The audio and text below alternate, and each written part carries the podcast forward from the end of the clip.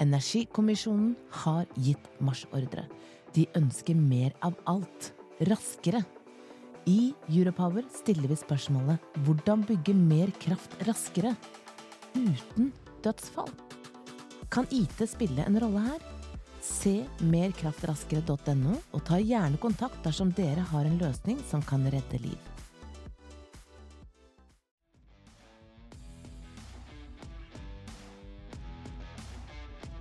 Sendinga er produsert av Europower Partner og er et liveopptak fra Teknologioptimistene, energibransjens IT-konferanse. Sendinga er produsert i samarbeid med konferansens sponsorer.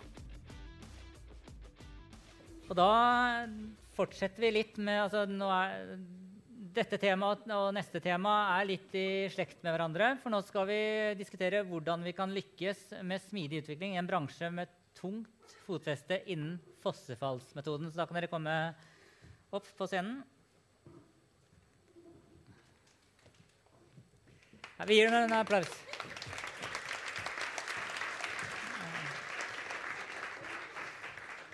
Yes. Uh, Hans Christian Fjell, e Eleb. Ja. Uh, Signe Marie Oland uh, fra Lede. Og Dag Effjestad fra Agder Energi Fleksibilitet. Ja. Og Jørn Haukøy fra Kode 11. Velkommen. vi gjør som Vi starter som med forrige paneldebatt og prøver å forstå hva det er vi skal prate om her.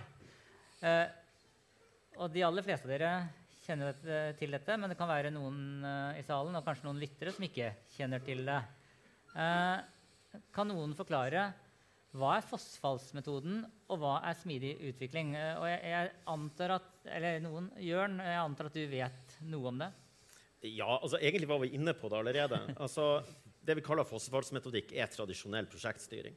Altså, du vet hva du skal gjøre, i hvilken rekkefølge, når du skal være ferdig med hva og, og ikke minst hva resultatet skal bli til slutt. Det er en veldig egnet måte å jobbe på hvis du skal for bygge ut et stort anlegg. kraft, Du vet hva du skal gjøre, du har gjort det mange ganger før. Så det er veldig viktig at, at det ikke blir en diskusjon om enten-eller. Det er riktig verktøy til riktig tid. Så det å diskutere om smidig er bedre enn en fossefarlig prosjekt, det er som å diskutere om et skrujern er bedre enn en hammer. Det kommer veldig an på hva du skal inn i veggen. Mens smidig jobber på en annen måte. Smidig så sier du ikke 'vi skal gjøre det', du bestemmer ikke utfallet. Du bestemmer hvor lang tid du får, det vi ofte kaller en sprint. Og så sier du også noe om hvilke ressurser du får. Og så er det så, Hvor langt kommer du da på den tida? Som har selvfølgelig den fordelen Budsjettoverskridelse eksisterer ikke, og du går aldri over tiden. Som typisk skjer med prosjekt. Så Det er egentlig bare to ulike styringstilnærminger til å løse større oppgaver som eh, har sine fordeler og ulemper, og som må brukes på rett tid. Ja, Jørn, det er helt riktig det du sier. og det med å jobbe smidig det må du gjerne gjøre når du skal utvikle software. Da. For software, Sluttproduktet er veldig annerledes enn det du gjerne ser for deg når du starte prosessen. Da. Alle som er, har vært med på store softwareutviklingsløp, de vet at det, det, du ender med, det er ganske langt unna det du forestilte deg i begynnelsen. Og Det betyr at du må ha en mye mer smidig tilnærming til planlegging og gjennomføring enn du må med en fossefallsmetodikk. da. Men så når jeg har reist rundt og, og gjort denne podkasten, Teknologioptimistene, eh, så enten med mikrofon på, eller i hvert fall med mikrofon av, eh, så har man sagt at vi, eh, toppledelsen eh, sier jo at vi kjører uh, smidig, men vi driver egentlig med tradisjonelt fossefall. Er, er, det et problem?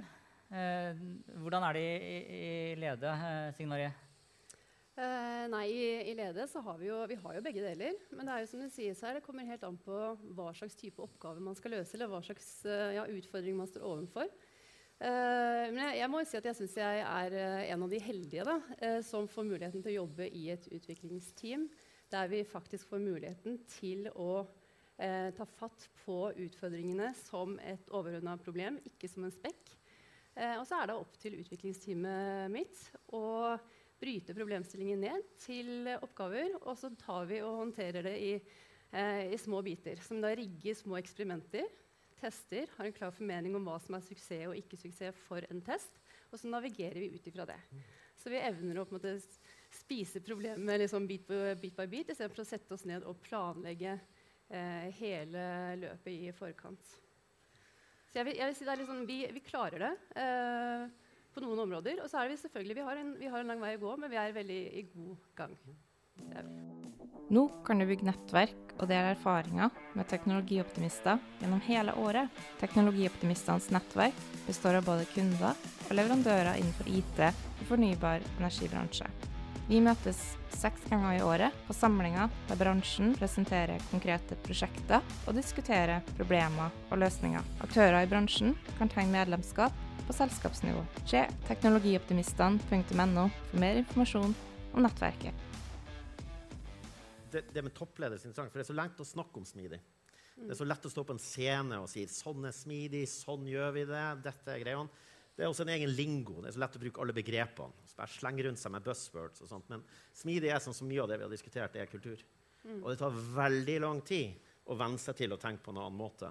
Så det å liksom klare å gjøre det vi ofte kaller litt sånn prosessteater, smidig-teater, ikke sant? ser veldig smidig ut, checks all the boxes, altså sånn utad.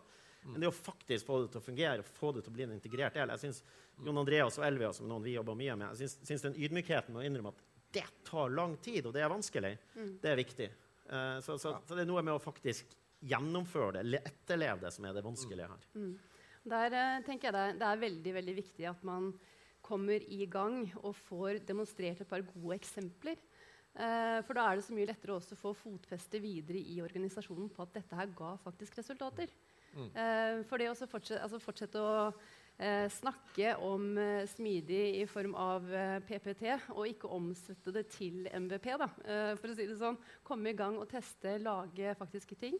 Eh, og begynne å måle verdi og kunne vise til det. Nå fikk jeg være med på avslutningen på den todagers samlingen til Eløb. Eh, jeg var med på det viktigste lunsjen.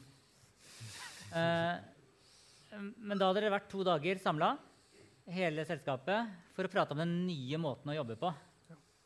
Eh, hva er den nye måten å jobbe på i Elhub? Jeg er veldig enig i det som er blitt sagt uh, så langt. Men jeg liker å tenke på at det er, det er grader av smidig. Er, uh, vi kan med hånda på hjertet si at vi jobber smidig i Elhub. Vi har uh, smidige utviklingsteam som er kryssfunksjonelle. Men måten det har blitt innført på, på Elhub Elhub er ganske ung organisasjon, og vi har eh, bygd opp en utviklingsorganisasjon på bare to-tre år. Eh, så måten det har blitt innført, er ganske raskt.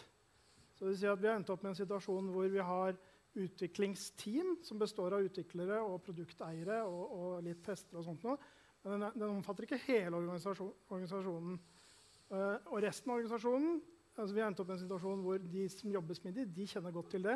Resten av organisasjonen er ikke helt med på det. Så vi har gjort et løft nå. Eh, vårt fokus nå er hvordan kan Elløp bli mer smidig. Det er det vi hadde fokus på på strategisamlingen. Og, eh, Og hvordan vi- kan dere bli mer smidig? ja, det, det, folkene er jo det viktigste når du skal jobbe smidig. For du, du, folkene skal ha eierskap og forstå metodene og videreutvikle og eie de selv. Så det å få med alle Derfor så har vi satsa på det nå og, og, og tatt et bredt løft. Kjørt eh, ganske brede bedriftsinterne kurs. Eh, fått alle opp på et nivå, og så ta felles diskusjoner om hvordan kommer vi oss videre. Og, og ender opp med eh, Som Eigil sa, så er det veldig god stemning hos oss på at vi skal bevege oss videre. Og sånn som det ser ut nå, da, så, så kommer vi til å bevege oss i en retning av Det er jo en litt sånn trend eh, innen smidig at man beveger seg fra smidig utviklingsteam til produktteam som involverer flere. Og hos oss er det også utviklerne savner litt den kontakten da, med, med kundene. For hos oss er det markedssiden og det er driftssiden som har kontakt med kundene. Det må vi få nærmere utviklerne. Eh, når jeg har vært rundt eh, og pratet med folk, så sier de at så sier dere at eh, det er en utfordring det at de som sitter på topp og bestemmer, har kommet seg til toppen via kjørt store prosjekter, eh, bygd eh, linje, altså 100-millionersprosjekter og bygd linjer, gjort den type ting. eh, og gjort det bra der. Og så får de da en lederstilling som skal ta beslutninger på, på det som har med smidig utvikling å gjøre. Og da er spørsmålet til dere Er det en eh, reell utfordring at, at fornybar energibransje henger fast i fossfallsmetoden? Altså sånn som man eh, kjører eh, byggeprosjekter?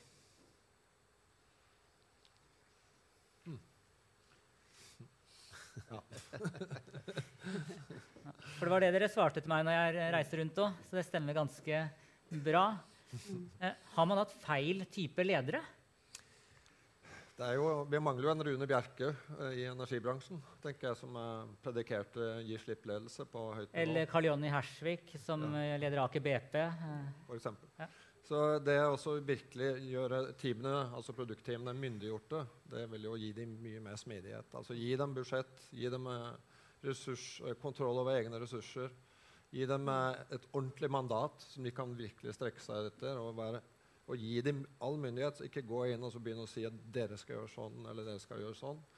Stol på teamet. Det er det beste folka du gjerne har i det teamet som skal løse akkurat den oppgaven. og det må du bare stole Ja, for for 100% på. forskning viser det at hvis man slipper det fri og klarer å styre det der samtidig, Mm. så får man jo mye bedre effektivitet enn hvis en leder sier at du skal gjøre noe, og så står du opp, og så må du gjøre som lederen sier. Ja, et sånt team skal jo på en måte være din uh, lille startup. da. Altså, hvis Du kan organisere organisasjonen din slik at du bare har sånne team, og du bare har små startuper. Du kan tenke seg selv hva det kan gjøre med farten i selskapet. da. Og smidighet dreier seg veldig mye om fart. Eh, og for å kunne gi den farten, da, så må du ha en god plattform som du kan bygge på. Den kan jo men den bør ikke være så svær at den hindrer eh, liksom, eh, de små teamene å være MVP eh, eller startup, MVP eller forsknings- og utviklingsavdelinger. Da. De må ha en, være relativt selv... Men du eh, sier at man skulle hatt en selv- Bjerke. Kan man, kan man omvende en person, en toppleder, sånn at han ser lyset, eller hun ser lyset? Eller, er, eller må man få inn en Rune Bjerke? Jeg er jo så dum at jeg tror at jeg kan omvende en person. Jeg. Ja. Jeg tror det er litt viktig å ikke henge seg så mye opp i topplederen her. Ja. Altså, de største fiendene for smidighet, etter min erfaring, som har gjort det i ganske mange store organisasjoner i Norge etter hvert, det kalles mellomledere. Det er mellomlederne som sitter med et siloansvar. Det er de som får bonusen sin, som bedømmes ut ifra hvordan de forsvarer sin lille bit, sin lille turf, sin lille bakgrunn, bakgård. Eh, jeg tror Der er ofte der du møter, for det er der organisasjonsvirkeligheten krasjer.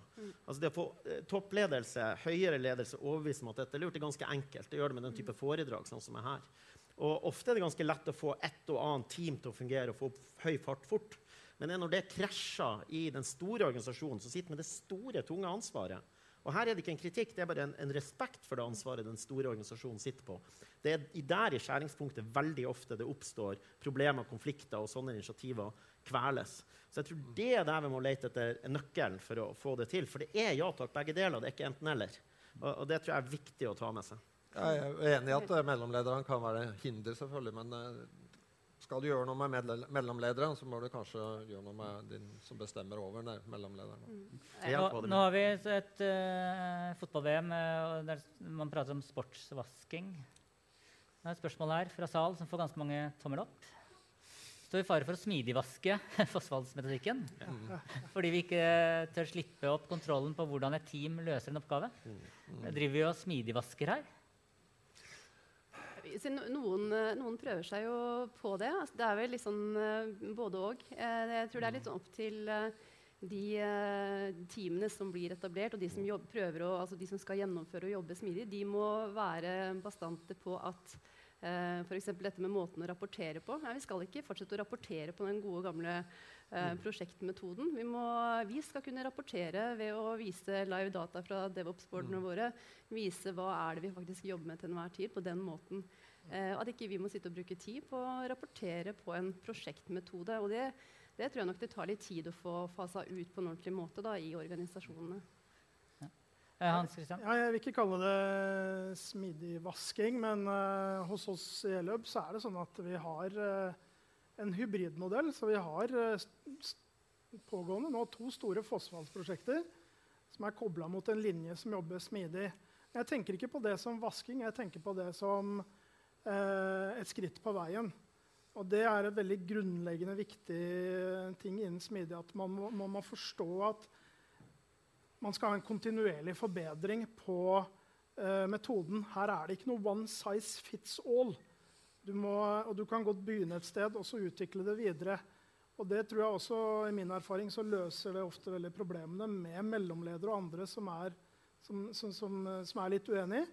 Man tar det litt forsiktig, og så går man gradvis. Og så, så, så det, det, det er veldig viktig at, at her er du aldri i mål. Det er, ting endrer seg kontinuerlig. Du endrer sammensetningen på team, du endrer teknologien, du endrer hva behovene hos kundene dine er. Så den der hvordan du jobber smidig, det må kontinuerlig videreutvikles av det enkelte team. Eh, Dag? Ja, jeg vil bare trekke frem det at uh, Mange team som sier de jobber smidig. og Det, det er jo det at de f.eks. adopterer Scrum eller Kanban eller speedy metodikk. da. Men eh, det viser seg jo i praksis at mange team gjør jo ikke det. De jobber jo ikke smidig i det hele tatt. Det er gjerne at de har interne overleveringer inne i teamet, og de har en slags fossefast-metodikk inne i teamene. Så det å utvikle team til at det virkelig jobber smidig, det, det tar litt tid.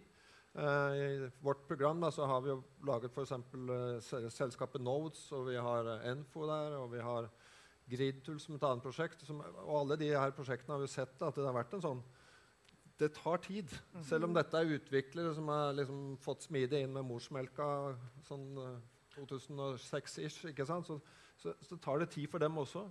Og det tar iallfall tid for de som ikke driver og jobber med softwareutvikling. i tatt. Så det er noe med det å være sta vanskelig veldig lenge for å få dette til. Men jeg tror, tror det der du er inne på noe. for at Smidig i dag er ikke bare softwareutvikling. Smidig er der du, Softwareutvikling er der du alltid skal bruke smidig. Gjør du ikke det smidig, gjør du det på en måte feil. Men det som er spennende, er at i dag når man snakker om produkteierskap, sånn som vi snakket om tidligere, så har du på en måte tatt smidig opp et nivå.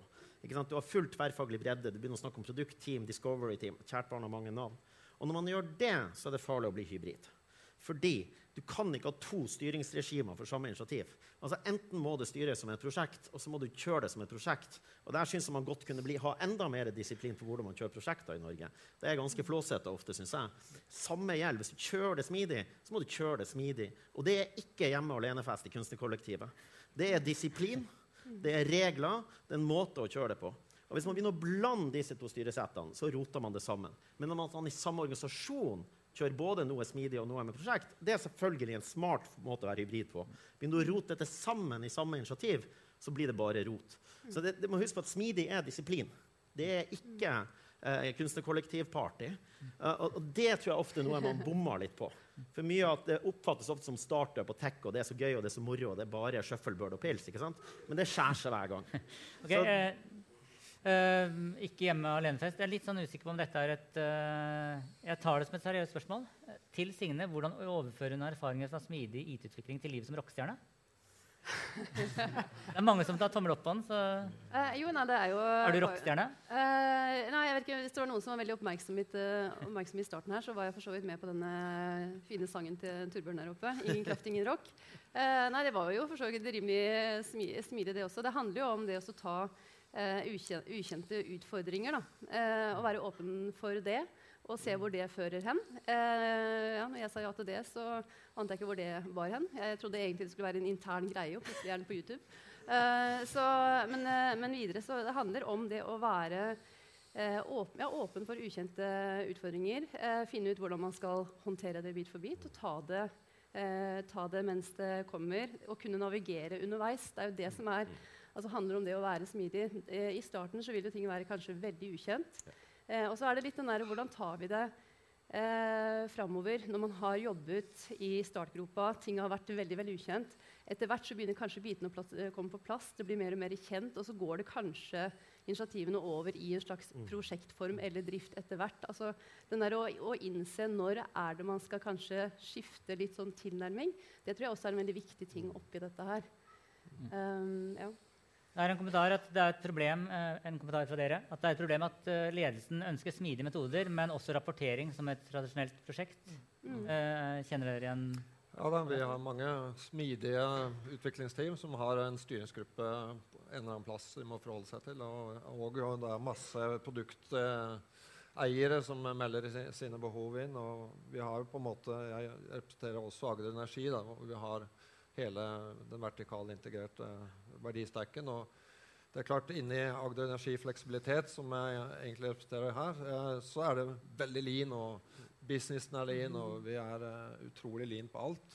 Og veldig enkelt. Og det er den måten Agder Energi på en måte har gitt frislipp da, til at vi kan holde på og ha litt sånn jazz og party. Og vi har det kjempegøy, og vi har skapt masse innovasjon fordi vi har hatt det utrolig gøy. Uh, men inni den mer tradisjonelle virksomheten så er det litt vanskeligere, for der er det mye mer kultur for kontroll. Eh, mye mer kultur for fossefall, og, og, og, dette hindrer jo på en måte innovasjon. Men det vi har gjort nå, da, vi har du ser jeg har på meg utviklerkonferanse. Det har vi gjort i mange år. Vi har utviklerkonferanser i Agder Energi. Og den, I våres da hadde vi med utvikleren, for vi skulle prøve å gi utviklerne mer kunnskap om eh, å være forretningsutvikler. Altså Utviklerne skal gå mer opp i forretning. Og så hadde vi nå I høst så hadde vi Team Topologies, som dreier seg om hvordan vi skal organisere oss i eh, Agder Energi for å bli bedre på å understøtte en smidig tilnærming og digitale innovasjoner generelt. Spørsmål til sal. Eh, er det en reell utfordring at beslutningstagere i bransjen ikke har erfaring med software? Altså at de som tar beslutninger på software, ikke har erfaring med det? ja. Spennende. Mm. Uh, for, ja. ja nei, jeg tror en, en, veldig viktig ting oppi dette her er jo det å eh, kunne besvare ordentlig liksom, hvor, ja, hvorfor, skal vi, hvorfor, skal vi, være smidige. For det er jo mange å møte det rundt i organisasjonen. Hvorfor snakker vi så mye om smidig? Hvorfor må vi terpe på dette her? Og det passer jo ikke nødvendigvis oss. Og jeg vil jo tro at grunnen til at man ønsker å heie fram mer smidigmetodikk også utover det som handler om softwareutvikling, det handler jo om å få større fart. Eh, fordi man ser at den liksom, tradisjonelle, komfortable prosjektorganiseringa med stor prosjektorganisasjon. Det er mange man kan peke på hvis ting ikke går som det skal. Det liksom, må jo skylde på noen. Ja, man må jo kunne skylde på noen. Eh, så hvis man kan bare få en, ha en stor prosjektorganisasjon, få dette her til å Dette er viktig, og setter en ganske lang ramme for det, så forventer man jo at den prosjektplanen kommer til å etterleves. Uh, kan, altså, så lenge man setter en, en, lang plan på det og har, vet hvor mange som skal være i det, så uh, har man for så vidt økonomisk kontroll på den måten. Men Hvorfor ikke tenke da mer, mer i forhold til smidig metodikk? Det handler ikke om å slippe, um, slippe, kontrollen løs. Det handler om å gi tillit til kanskje mer spissa kompetanse som man har satt sammen i mindre team. Eh, gi de full tillit og autonomi, autonomi, men da korte ned tidsperioden. Så kan man se ok, nå har vi satt gode hoder sammen. Eh, utfør, prøv å utføre noe spennende på denne problemstillingen.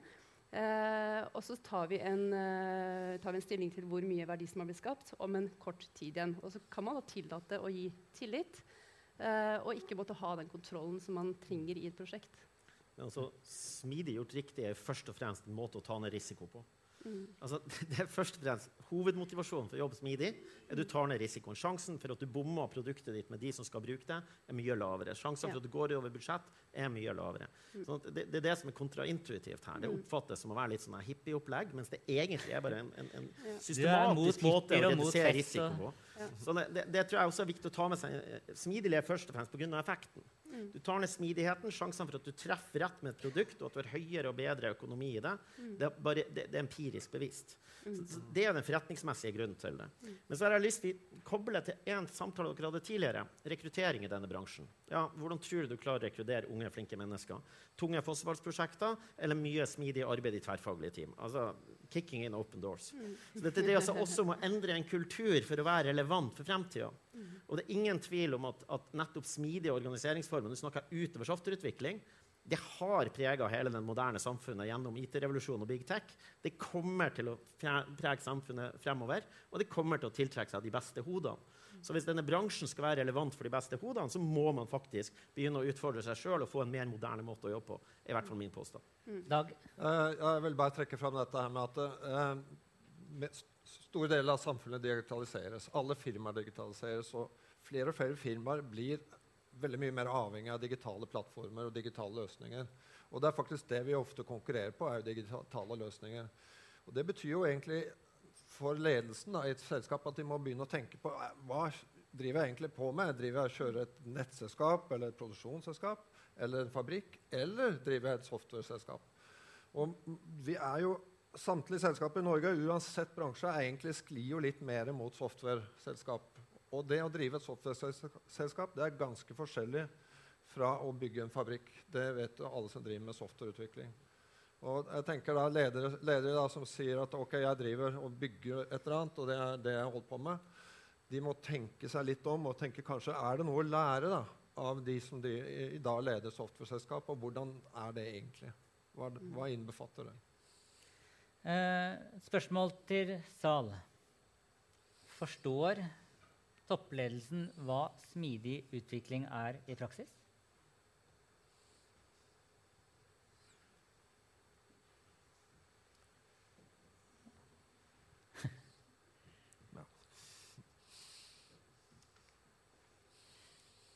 Nå, ja, nå, vet jeg ikke om det er toppledelsen hos dere eller hos kundene, men, men det virker jo som at, at det er en jobb å gjøre her også. Hva, hva, Hans Christian Eleb? Ja, jeg er litt heldig. da. Jeg jobber i et lite selskap som er et produktselskap. Og der er det, vi driver med softwareutvikling, så det, det er nok heldig der. Og så og så har jeg jobba i bransjen i ett år, så jeg har litt vanskelig for å uttale meg. Jeg kjenner ikke så godt til hvordan det er ellers. Men um, selv hos oss så, så um, Selv om vi har en god forståelse i ledelsen, så er det alltid, det er alltid ting å lære. Det er en, det er alltid mulig å få en bedre forståelse. Så så lenge, men så lenge man har en vilje, og så kan man fylle på med litt uh, coaching av en eller annen slag, enten man har interne folk som, som kan smidig og kan, kan uh, hjelpe ledelsen med et kompetanseløft der, eller man henter inn andre. Begge deler funker. Uh, men det er i hvert fall jeg, jeg, kan som sagt ikke uttale meg om hvordan det er i bransjen, men sånn på generelt grunnlag så tror jeg det er helt essensielt at man har den type forståelse i toppledergruppa. Eh, så det å bygge den kompetansen det var et tydelig svar her, at eh, det, det mangler. da. Hvordan kan man bygge, kan man bygge den kompetansen eh, i toppledelsen? Ja, så, så, små, coaching er, funker faktisk veldig bra. Det er smidige coacher som er, som er, eksperter på å snakke med ledere. De er ganske gode på det. Jeg, min anbefaling er jo at man eh, bygger seg opp kompetanse internt og også på coaching, men man kan bruke eksterne for å, for å løfte det. Da. Man trenger det internt. Hvordan var det i Lede? Var det dere som gikk til Øyvind, uh, CEO, og sa vi bør jobbe smidig, eller var det Øyvind som gikk til dere og sa at vi bør jobbe smidig? Det har vel, det har vel vært en prosess, det, det også. Men uh, nå ja, er jo heldigvis Øyvind rimelig fremoverlent, så det er ikke nødvendigvis uh, han det står på. Men Uh, jeg tenker jo det i forhold til å få uh, hele organisasjonen og også disse altså, hierarkiet med ledere. For det, det, handler jo ikke bare om den enkelte leder, men det handler jo om at det er et, det er et eget sånt ledersiloledd som hele tiden må uh, rapportere på sin tradisjonelle måte. Så det, jeg tror vel, hvis vi kommer oss ut av det, så tror jeg mye er gjort. Um, og i forhold til å overbevise så handler det jo om igjen dette her med å um, Det er opp til oss, oss, som gjør den gjørejobben, å demonstrere de gode eksemplene som igjen kan vise til at jo, dette her funker. Eh, få det fotfestet som er så viktig. Eh, og så tror jeg egentlig at eh, det kommer til å altså Jeg er rimelig optimistisk i forhold til at flere og flere ledere kommer til å eh, se at eh, smidig metodikk og kjennskap til det og teamorganisering i organisasjonene er viktig. Nettopp fordi det handler hele tiden om at vi stadig henter inn mer og mer data. Uh, og verdien av den dataen. Altså det handler om å ha hoder, og da blir det fort digitale hoder. For det handler om datasamling, sammenstilling og klare å omsette den dataen til gode tjenester og produkter. Eh, og det står vi midt oppi, og jeg tror ikke det er en eneste leder som ikke, kan, som ikke ser den, at det er dataen og verdien av dataen og foredling av den som er det som er tida framover. Jørn? Yes. Uh det, er bare én ting. Altså, som du sier, det, det finnes mange flinke smidigcoacher der ute. Om, om, jeg er flink, vet jeg ikke, men jeg vil i hvert fall falle inn i den kategorien. på en måte. Eh, og, og det jeg kan bare si, det hjelper ikke hvor flinke coacher du har. Det må ligge en innboende endringsvilje som må være forankra på toppnivå. En vilje til å faktisk endre organisasjon. Du kan hyre inn de flinkeste smidig-coachene i hele verden, og du klarer ikke å snu en organisasjon uten. Og jeg har vært med på begge deler. Altså både vært med og skalla hodet i veggen i noen av Norges største for ikke å si Norges største organisasjon, til å lyktes med det og vært med på den reisa. Og når vi har mislyktes, er det fordi du ikke har den endringsviljen. Og når du har lyktes, er det heller ikke min fortjeneste. Du har bare vært det som er til stede. Så jeg tror det er kanskje det viktige. Den viljen og forståelsen for når du skal gjøre det, og når du ikke skal gjøre det. Og ikke minst også det å tilrettelegge for det. Hvis du ber om vanlig rapportering, så får du aldri smidig. Du må lage en organisasjonsform for det. Så det, det, det står stort sett på vilje og gjennomføringsevne internt. Og, og egentlig ikke så mye smidig coachene. Men, men hvis det ligger til rette, så selvfølgelig vil det kunne hjelpe. Så også her så har kultur litt å si, da. Hva sa du? Også her så har kultur litt å si. Nei, altså Kultur har noe å si hele veien. Men skal du lykkes med smidig, så har kultur noe å si. Men også teknologi har noe å si. Hjelper ikke hvor, Hvis du har et silosystem, så kan du være så smidig du vil. Du får aldri til noe smidighet på toppen av det. Så, så det må rett og slett ligge til rette i alle dimensjoner for å lykkes. Eh, Dag? Ja, jeg vil egentlig bare trekke fram det du spurte om, altså kultur. da. Det er jo det er som du sier, det er 20% metodikk og læring, og, sånn, og så er det 80% kultur. og den Kulturendring er veldig vanskelig. ikke sant? Mennesket endrer ikke kultur automatisk. De må liksom ta det innenfra. Men det rare er at uh, hvis du har en eksisterende kultur et sted og flytter et menneske inn der, da, så det, tar det jo bare minutter før den har endra kultur. Mens uh, å endre kulturen innenfra er mye vanskeligere. Da.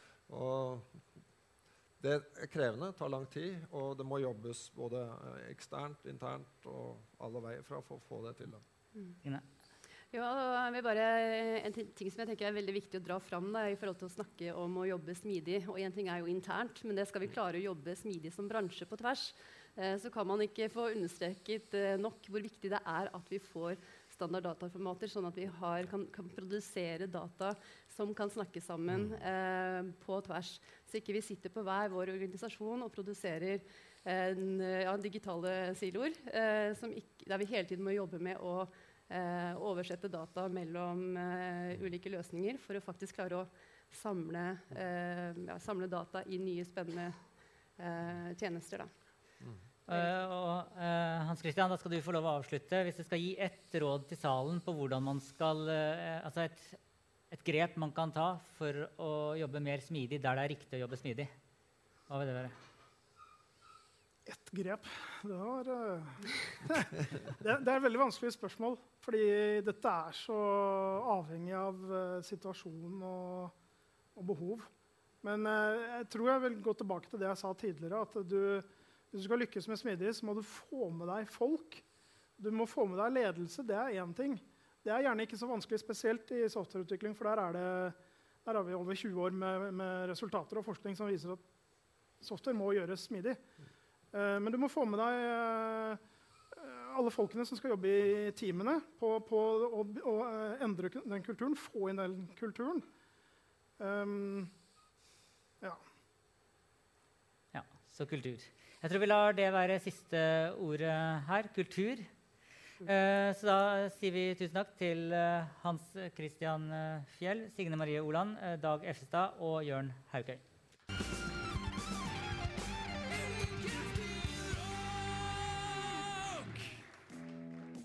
Nå kan du bygge nettverk og dele erfaringer med teknologioptimister gjennom hele året. Teknologioptimistenes nettverk består av både kunder og leverandører innenfor IT i fornybar energibransje. Vi møtes seks ganger i året på samlinger der bransjen presenterer konkrete prosjekter og diskuterer problemer og løsninger. Aktører i bransjen kan trenge medlemskap på selskapsnivå. Se teknologioptimistene.no for mer informasjon om nettverket.